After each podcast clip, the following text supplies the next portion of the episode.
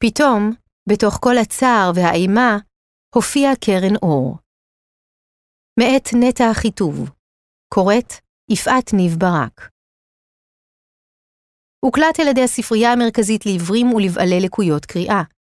עריכה טכנית, ניר סייג. מהן ההמצאות המבריקות ביותר של 2023? בגיליון מיוחד של טיים שיצא בחודש שעבר, בחרו עורכי המגזין 200 המצאות יוצאות מן הכלל שמשנות את חיינו.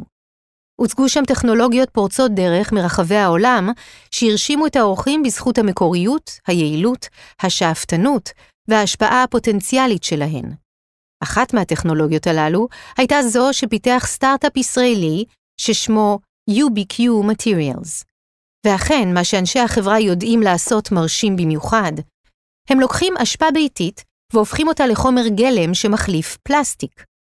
החומר הזה, ששמו נובע מהמילה יוביקיטוס, שפירושה בכל עבר, כבר באמת נפוץ בכל עבר. בין היתר, חברת מרצדס משלבת אותו בכלי הרכב שלה. מקדונלדס מייצרת ממנו מגשי אוכל, ופפסיקו משתמשת בו לייצור ארגזים ומדפי תצוגה למשקאות. הטכנולוגיה הזאת מתמודדת למעשה עם כל סוגי הפסולת, משאריות מזון ועד חיתולים משומשים, וממחזרת אותם. אנחנו יודעים לקחת למשל מגש פיצה, כולל הפיצה, הגבינה, הבצק, רוטב העגבניות, הקרטון וגם את הפלסטיק הקטן שמונע מהקרטון להידבק לפיצה, ולהפוך את כל זה ביחד לחומר תרמופלסטי, שמסוגל להחליף כל דבר שעשוי מפלסטיק שנוצר מנפט. מסביר בגאווה ג'ק טאטו ביחיו, מנכ"ל משותף ומייסד החברה. עבור הסטארט-אפ הישראלי זה אמור היה להיות חודש שמח במיוחד. אלא שהמפעל של החברה שוכן בקיבוץ צאלים, כ-30 קילומטר מגבול עזה. כל 30 העובדים מתגוררים בדרום, רבים מהם בקיבוצים וביישובי עוטף עזה, בהם ניר עוז, בארי וכפר עזה. שניים מהם, אדר ברדיצ'בסקי, 30, ואורי רוסו, 44, נרצחו ב-7 באוקטובר. רבים מהחטופים, הפצועים והמתים הם חברים של העובדים או ילדים של חברים מהקהילה שלהם. מנהל הטכנולוגיה הראשי של המפעל, גדי שטל, איבד את כלתו מירה שטל בכפר עזה. בנו, שבמקרה היה בטיול עם חברים מחוץ לקיבוץ, כעת מגדל את ילדיהם לבדו. נינה וסטר באטלר, האחראית על הבטיחות במפעל, שהתה עם שלושת ילדיה בממ"ד בביתם בכפר עזה, כשהמחבלים ירו בבעלה. הוא נפצע קשה ושרד. כעת המשפחה נמצאת במלון באילת. גם אבישי אפרת, מהנדס החשמל הראשי של המפעל ותושב קיבוץ בארי, ניצל בנס מידי המחבלים. את אשתו עדי אפרת אילצו המחבלים לקחת אותם למחסן שבו נמצאים המפתחות לכלי הרכב של הקיבוץ. היא הוחזקה בידיהם של 15 מחבלים, עד שלבסוף שוחררה על ידי כוחות הביטחון. וסטר באטלר הייתה חברה טובה של הדר ברדיצ'בסקי, החשבת המוערכת של המפעל. הן עבדו יחד באותו המשרד לצידו של רוסו. כעת, החלל הזה שומם. צמרמורת עוברת למראה החדר הריק, שנראה כאילו רק לפני רגע שקקה בו פעילות נעימה של עבודה משותפת. ברדיצ'בסקי חזרה לעבודה רק באחרונה, אחרי חופשת לידה. יהיה קשה פה בלעדיה, אומר ביחיו. היא הייתה אישה מקסימה וחכמה, מנהלת בחסד.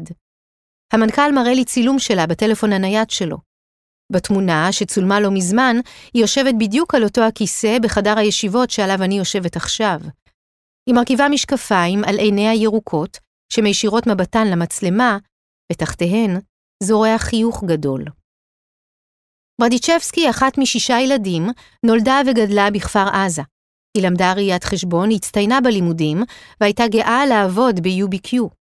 היא מאוד אהבה את הרעיון של החברה, מספרת אחותה, ליאור רוזנפלד. היא סיפרה שזה מקור לגאווה לעבוד עבור משהו שעושה טוב לעולם ולסביבה. באותה שבת, היא ובעלה איתי נרצחו בביתם בכפר עזה.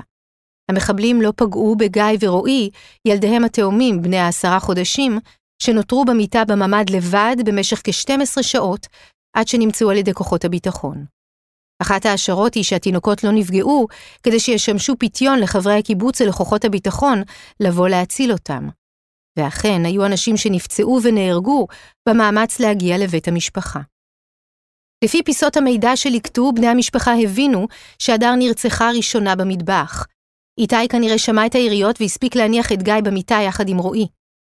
בהמשך התברר שהמעשה הזה הציל את חייו של גיא, שכן מבעד לדלת הממ"ד חדרו שלושה קליעים.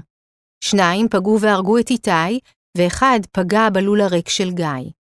איתי בעצם הציל אותו מהקליע, אומרת ליאור, שעזבה לפני שנה את הקיבוץ ועברה להתגורר בתל אביב. היום גיא ורועי גדלים בשתי המשפחות העוטפות של בני הזוג. גם רוסו, מנהל התחזוקה וההנדסה של המפעל ורב סרן במילואים, נהרג בכפר עזה. הוא נורה למוות בזמן שניסה להגן על הקהילה שלו כחבר בכיתת הכוננות של הקיבוץ, שמרבית חבריה נהרגו באותו יום. אשתו דפנה מספרת כיצד נכנסה לממ"ד עם שלוש בנותיהן, מאיה, 13, אלונה, 11, ויעלה, 9, בזמן שרוסו לקח את נשקו הפרטי ורץ לנשקייה לאסוף כלי נשק נוספים. הוא הגיע לשם ב-6.50, אסף נשק ויצא להגן על הבית הראשון, שנודע כי יש בו מחבלים. בדרכו לשם, הוא נהרג על ידם. את ההודעה הסופית על מותו קיבלנו ביום שני, מספרת דפנה, ילידת כפר עזה ומנהלת חינוך במקצועה. לרשויות לא היה ברור אם הוא נחטף או נהרג, אבל לי היה ברור שהוא לא נחטף. הוא בחור גדול, רחב, גבוה וחזק, לא מישהו שאפשר לחטוף בקלות. את אופיו של אורי מבקשת לתאר באמצעות סיפור. כשרק התחלנו לצאת, אמא שלי הייתה חולה בסרטן. ביום ההולדת שלי, הראשון שלנו יחד, אורי בא לאסוף אותי מבית החולים והציע שנעשה משהו כדי לחגוג. אמרתי לו שאין לי חשק. אני זוכרת את השיחה שלנו בצומת סעד, רגע לפני שהגענו לכפר עזה. הצעתי לו שנחתוך את הקשר, כי אני לא פרטנרית מהנה בימים אלו. הוא אמר לי, מה פתאום? אני לא הולך כשקשה. והוא באמת אף פעם לא הלך, גם כשהיה קשה. הוא נשאר האיש שלי, עוגן יציב, שומר ומגן. לפני כמה ימים עשיתי תרגיל עם הבנות, שבו כל אחת בוחרת איזו תכונה של אבא היא הייתה רוצה לקחת איתה. יעלה הקטנה אמרה חוכמה. מאיה הגדולה אמרה את הידע שלו. הוא באמת ידע הכל. ואלונה אמרה את אהבת הבישול. אין לי מושג איך אבשל להן עכשיו, זה היה לגמרי התחום של אורי. לא מזמן יצאה המשפחה להרפתקה לא שגרתית. הם החליטו יחד שדפנה תשמש פונדקאית לזוג שלא יכול היה להרות. כשיש את אורי לידי, הכל אפשרי, היא אומרת ומספרת שההיריון עבר בשלום, ובסופו העניקה תינוק להוריו המאושרים. רוסו היה מהנדס מכונות בהכשרתו. הוא מאוד האמין בעבודה שלו, מוסיפה דפנה. הוא חשב שזה דבר נהדר לסביבה ולעולם. גם גיל פלוס, חבר כפר עזה ומנהל התפעול של מפעל UBQ, מספר שרוסו היה מהאנשים שתמיד אפשר לסמוך עליהם. חבר ואיש מקצועי להפליא, הוא אומר. בדקות הראשונות של שבת בבוקר, כשחברי הקיבוץ סברו שמדובר רק בירי רקטות, הדבר הראשון שעשה פלוס היה לכתוב הודעת טקסט לרוסו.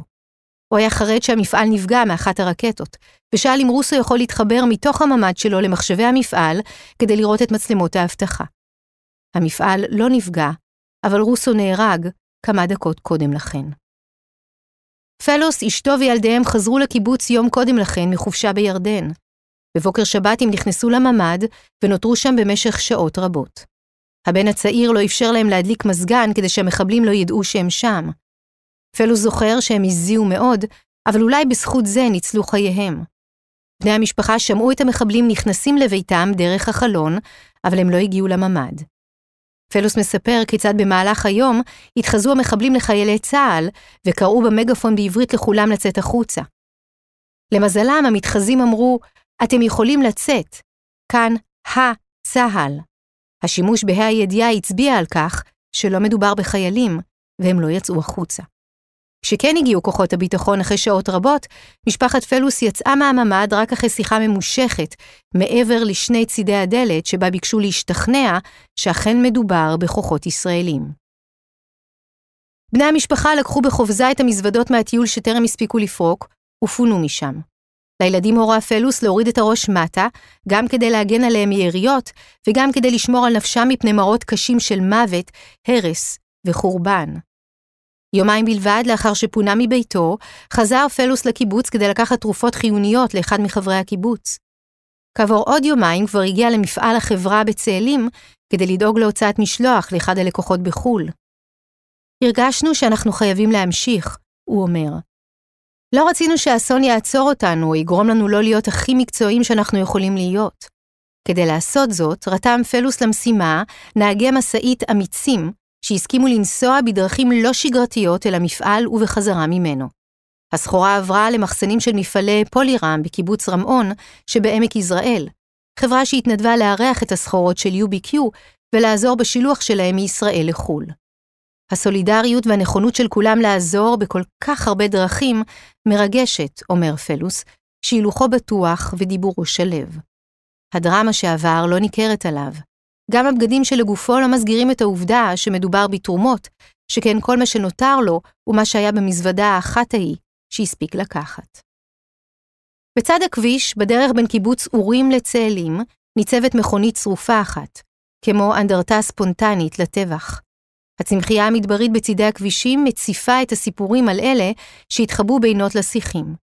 הכניסה לקיבוץ צאלים מאוישת בחמישה שומרים, כולם עם כלי נשק. צריך לעבור עוד שער כדי להיכנס למפעל. מתקפת הטרור השביתה אותו למשך שלושה שבועות. ב-30 באוקטובר חזרו לפעול. ההחלטה לפתוח את המפעל התקבלה בשיתוף העובדים, מספר ביחיו. כשדיברנו איתם בשבוע הראשון אחרי האסון, חלקם אמרו שהם צריכים קצת אוויר. אחרי שלושה שבועות כולם כבר ביקשו בעצמם לחזור. מנכ"לי החברה פנו לעובדים וללקוחות ברחבי העולם, סיפרו על מה שאירע, תיארו את האובדן וצירפו תמונות של ברדיצ'בסקי ורוסו. הם הסבירו במכתב שהם עובדים כרגיל, עד כמה שאפשר. ואכן, כמעט כולם חזרו לעבודה, פרט לשתי עובדות שפונו מבתיהן ומתגוררות כעת עם ילדיהן רחוק מהמפעל. מדי יום הם נוסעים לכאן ביחד מהמלונות שאליהם פונו. אנשי החברה נוהגים לאכול יחד צהריים. המסורת הזאת מקבלת בימים אלה משמעות חדשה. בימים הראשונים דיברו רק על האסון שאירע, על המלחמה המתמשכת, על החטופים, הפצועים וההרוגים. אבל ביחיו מספר שאט-אט השיחות עברו גם לנושאים אחרים, שגרתיים יותר. בימים האחרונים אפשר אפילו לשמוע את העובדים צוחקים מדי פעם. ממש מרגש לראות את המפעל הזה עובד, אומר ביחיו. יש תחושה שהוא מחזיר את כולם למקום. את יודעת איך זה ישראלים, גם אם בפנים הם אכולים, הם מחזיקים מעמד יפה, מספרים דחקות, צוחקים על המצב. אני שם לב שכולם מגיעים מוקדם והולכים מאוחר. זה ממש עוזר להיות פה יחד. הוא עצמו נולד בפרו ועלה לישראל בגיל 18. לדבריו, גם אחרי 30 שנה בישראל, הוא עדיין מסתכל לפעמים על הישראלי מהצד, ומתפעל ממה שהוא רואה. איזה חוסן ואיזו סולידריות. אין אנשים כאלה בשום מקום אחר בעולם. על הבחירה של מגזין טיים ב-UBQ, אומר ביחיו כי פתאום בתוך כל הצער והאימה, הופיעה קרן האור הזאת. ברור שהייתה לזה עכשיו השפעה יותר גדולה מאשר אם היינו זוכים בכל תקופה אחרת. כולנו היינו באופוריה לכמה דקות של חסד. הרגשנו שמישהו נותן לנו סימן של חיים ושמחה, ומעניק לנו רגע של חגיגה וגאווה. זה החזיר לנו קצת אוויר. בסיור במפעל, שנערך בשבוע שעבר, אפשר היה להרגיש במאמץ להיאחז בחיים, עד כמה שאפשר. מאז שחזרתי לעבוד, שלומי הרבה יותר טוב, אמר אחד העובדים בפס הייצור. כל עוד אני עובד, שלומי יישאר טוב. הקלישאה על מציאת משמעות בעבודה זוהרת כאן על רקע האבל הקולקטיבי, הכאב הגדול והמלחמה המתמשכת. עובדת אחרת סיפרה שבהלוויה של ברדיצ'בסקי הייתה בטוחה שלא תצליח להתאושש ולחזור לעבוד לעולם. אבל שבוע אחר כך הרגישה שהמפעל הוא המקום הכי בריא בשבילה כרגע, היכן שכולם מבינים מה עבר עליה. בנקודת ההתחלה של פס הייצור ניצבת כעת מיגונית קטנה, הבוהקת בקרני השמש המדברית. היא נרכשה לפני כמה ימים כדי להוות חלל מבטחים נוסף לזה הקיים כבר במפעל. את הסיור בפס הייצור אנו מתחילים בנקודה שאליה מגיעה האשפה הביתית. כדי שהאשפה תהפוך לטרמופלסטיק, עורכים מיון ראשוני שמוציא מתוכה את הזכוכיות והמתכות. כל השאר הופך לקסם ממוחזר. לאחר שהפסולת עברה מיון ראשוני, היא עוברת תהליך של כמה שעות שהופך אותה לגרגירי טרמופלסטיק, אומר אלברט דאואר, יושב ראש ומנכ"ל משותף. לא משנה מה יהיה הרכב החומרים של ההשפעה, יותר חומר אורגני, פחות חומר אורגני, התוצר תמיד זהה. להרבה אנשים קשה לתפוס איך תמהיל שונה של חומרים יוצא תמיד אותו הדבר, אבל זה בדיוק הסוד שלנו. דאואר, מומחה בעל שם עולמי לפלסטיק שמתגורר בפנמה, הגיע לכאן בעיצומה של המלחמה כדי לחזק את עמיתיו. במקור הוא הבעלים של חברה משפחתית גדולה לייצור פלסטיק. ל-UBQ הוא נכנס בתחילה כמשקיע אסטרטגי, ובהמשך כיושב ראש ומנכ"ל משותף. כשאנחנו מסתובבים יחד בצאלים, הוא מביע גאווה על כך שהמפעל כמעט אינו מזהם, ומצביע על הפאנלים הסולאריים שמייצרים אנרגיה על גג המבנה. במעבדת הבקרה במפעל בודקים העובדים תצורות שונות של החומר UBQ. מצויים שם סלילים, משטחים, מוטות, לבנים ועוד. התצורה הבסיסית שבה מייצרים את החומר היא גרגירים, וכך החומר לרוב נשלח לתעשיות שרוכשות אותו. את הגרגירים הללו ניתן להכניס ישירות לתוך מכונות פס הייצור, במקום פלסטיק. זה המפתח ליכולת של UBQ להתחרות מול המקור. מפעלים שרוכשים UBQ לא צריכים להחליף את המכונות הוותיקות שלהם או את המוצרים שהם מייצרים. הם רק נדרשים להזרים לתוך אותה המערכת חומר גלם אחר, שמתנהג בדיוק כמו הקודם, נמכר באותו המחיר, אבל מעניק נקודות זכות סביבתיות. אפשר גם למחזר UBQ. זה כמו הטופו, אומר ביחיו. זה חומר שמתחפש לפולימר הנשא שלו, וכך מאפשר למוצרים המכילים אותו להיות ממוינים כקבוצה של אותו פולימר נשא. ובכל זאת, ל-UBQ שני חסרונות. אחד מהם הוא צבעו. אפשר לצבוע את גרגירי UBQ כמעט לכל צבע, פרט לשקוף. כשרוצים להחליף פלסטיק, היעדר שקיפות עשוי להוות מכשול לחלק מהמוצרים. חיסרון נוסף הוא גודלם של הגרגירים. הם בגודל של אפונים בערך, מה שמגביל את עובי המוצרים הסופיים שאפשר לייצר מהם. יריות פלסטיק דקות, לדוגמה, הן מחוץ לתחום. חברת UBQ החלה את הייצור שלה באופן רשמי ב-2019. לאחר שבע שנים של פיתוח שקט, ניסויים, בדיקות איכות, רישום פטנטים וגם קבלת תווי תקן נדרשים לשווקים שונים. אנשי החברה עבדו בשיתוף פעולה עם שורה ארוכה של חוקרים, כימאים, מומחי פסולת, אנשי תעשייה ומעצבי מוצר ישראלים. עוד לפני הפרסום בטיים, בחודש ספטמבר, השלימה החברה גיוס נוסף של 70 מיליון דולר, שהצטרף ל-240 מיליון הדולר שגייסו עד כה, והגיע לשלבי הסיום של בניית מפעל ייצור עצום בהולנד, שבו אמורים להפוך כ-80 אלף טון פסולת לחומר UBQ מדי שנה.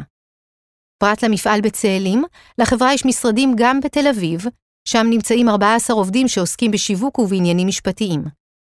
במפעל החדש בהולנד מועסקים עוד עשרות בני אדם. השבוע טסו דאואר ופלוס להולנד כדי לפקח על ההרצה, בעוד ביחיוד טס לבוסטון כדי להתחיל להניע את הקמתו של מפעל בחוף המזרחי של ארצות הברית. דאואר מבקש להדגיש שאף על פי שהם מתרחבים לחו"ל, הם תמיד יישארו חברה מאוד ישראלית. למה אתה מתכוון? כשיצאנו לדרך הייתה לנו רשימה של אתגרים, והחלטנו להתייעץ עם חוקרים שעוסקים בתחומי הבעיות השונות, הוא אומר. ראשית, נוכחתי לגלות שבכל תחום מחקר, אחד החוקרים הטובים ביותר בעולם נמצא בישראל. בנוסף, אפשר להגיע כאן לכל אחד באמצעות שני טלפונים מקסימום. בכל פעם מחדש נדהמתי לגלות כמה כולם מוכנים לעזור. החוקרים קודם כל נענו לאתגר לפתור בעיה מסוימת, ורק אחר כך דיברו איתנו על תמורה על העזרה שלהם. אני לא מכיר תופעה כזאת והתגייסות מהסוג הזה בשום מקום אחר בעולם. בסופו של דבר, בזכות המדענים האלה, פתרנו את כל האתגרים ויכולנו לצאת לעולם עם מוצר גמור, מבטיח, אחרי שניסינו ובדקנו אותו בעצמנו. יש חברות שרוצות להפסיק את ההתקשרות איתכם בגלל המלחמה? להפך, כל מי שאנחנו עובדים מולו, דואג לנו, מנחם אותנו ומעוניין להמשיך לעבוד איתנו.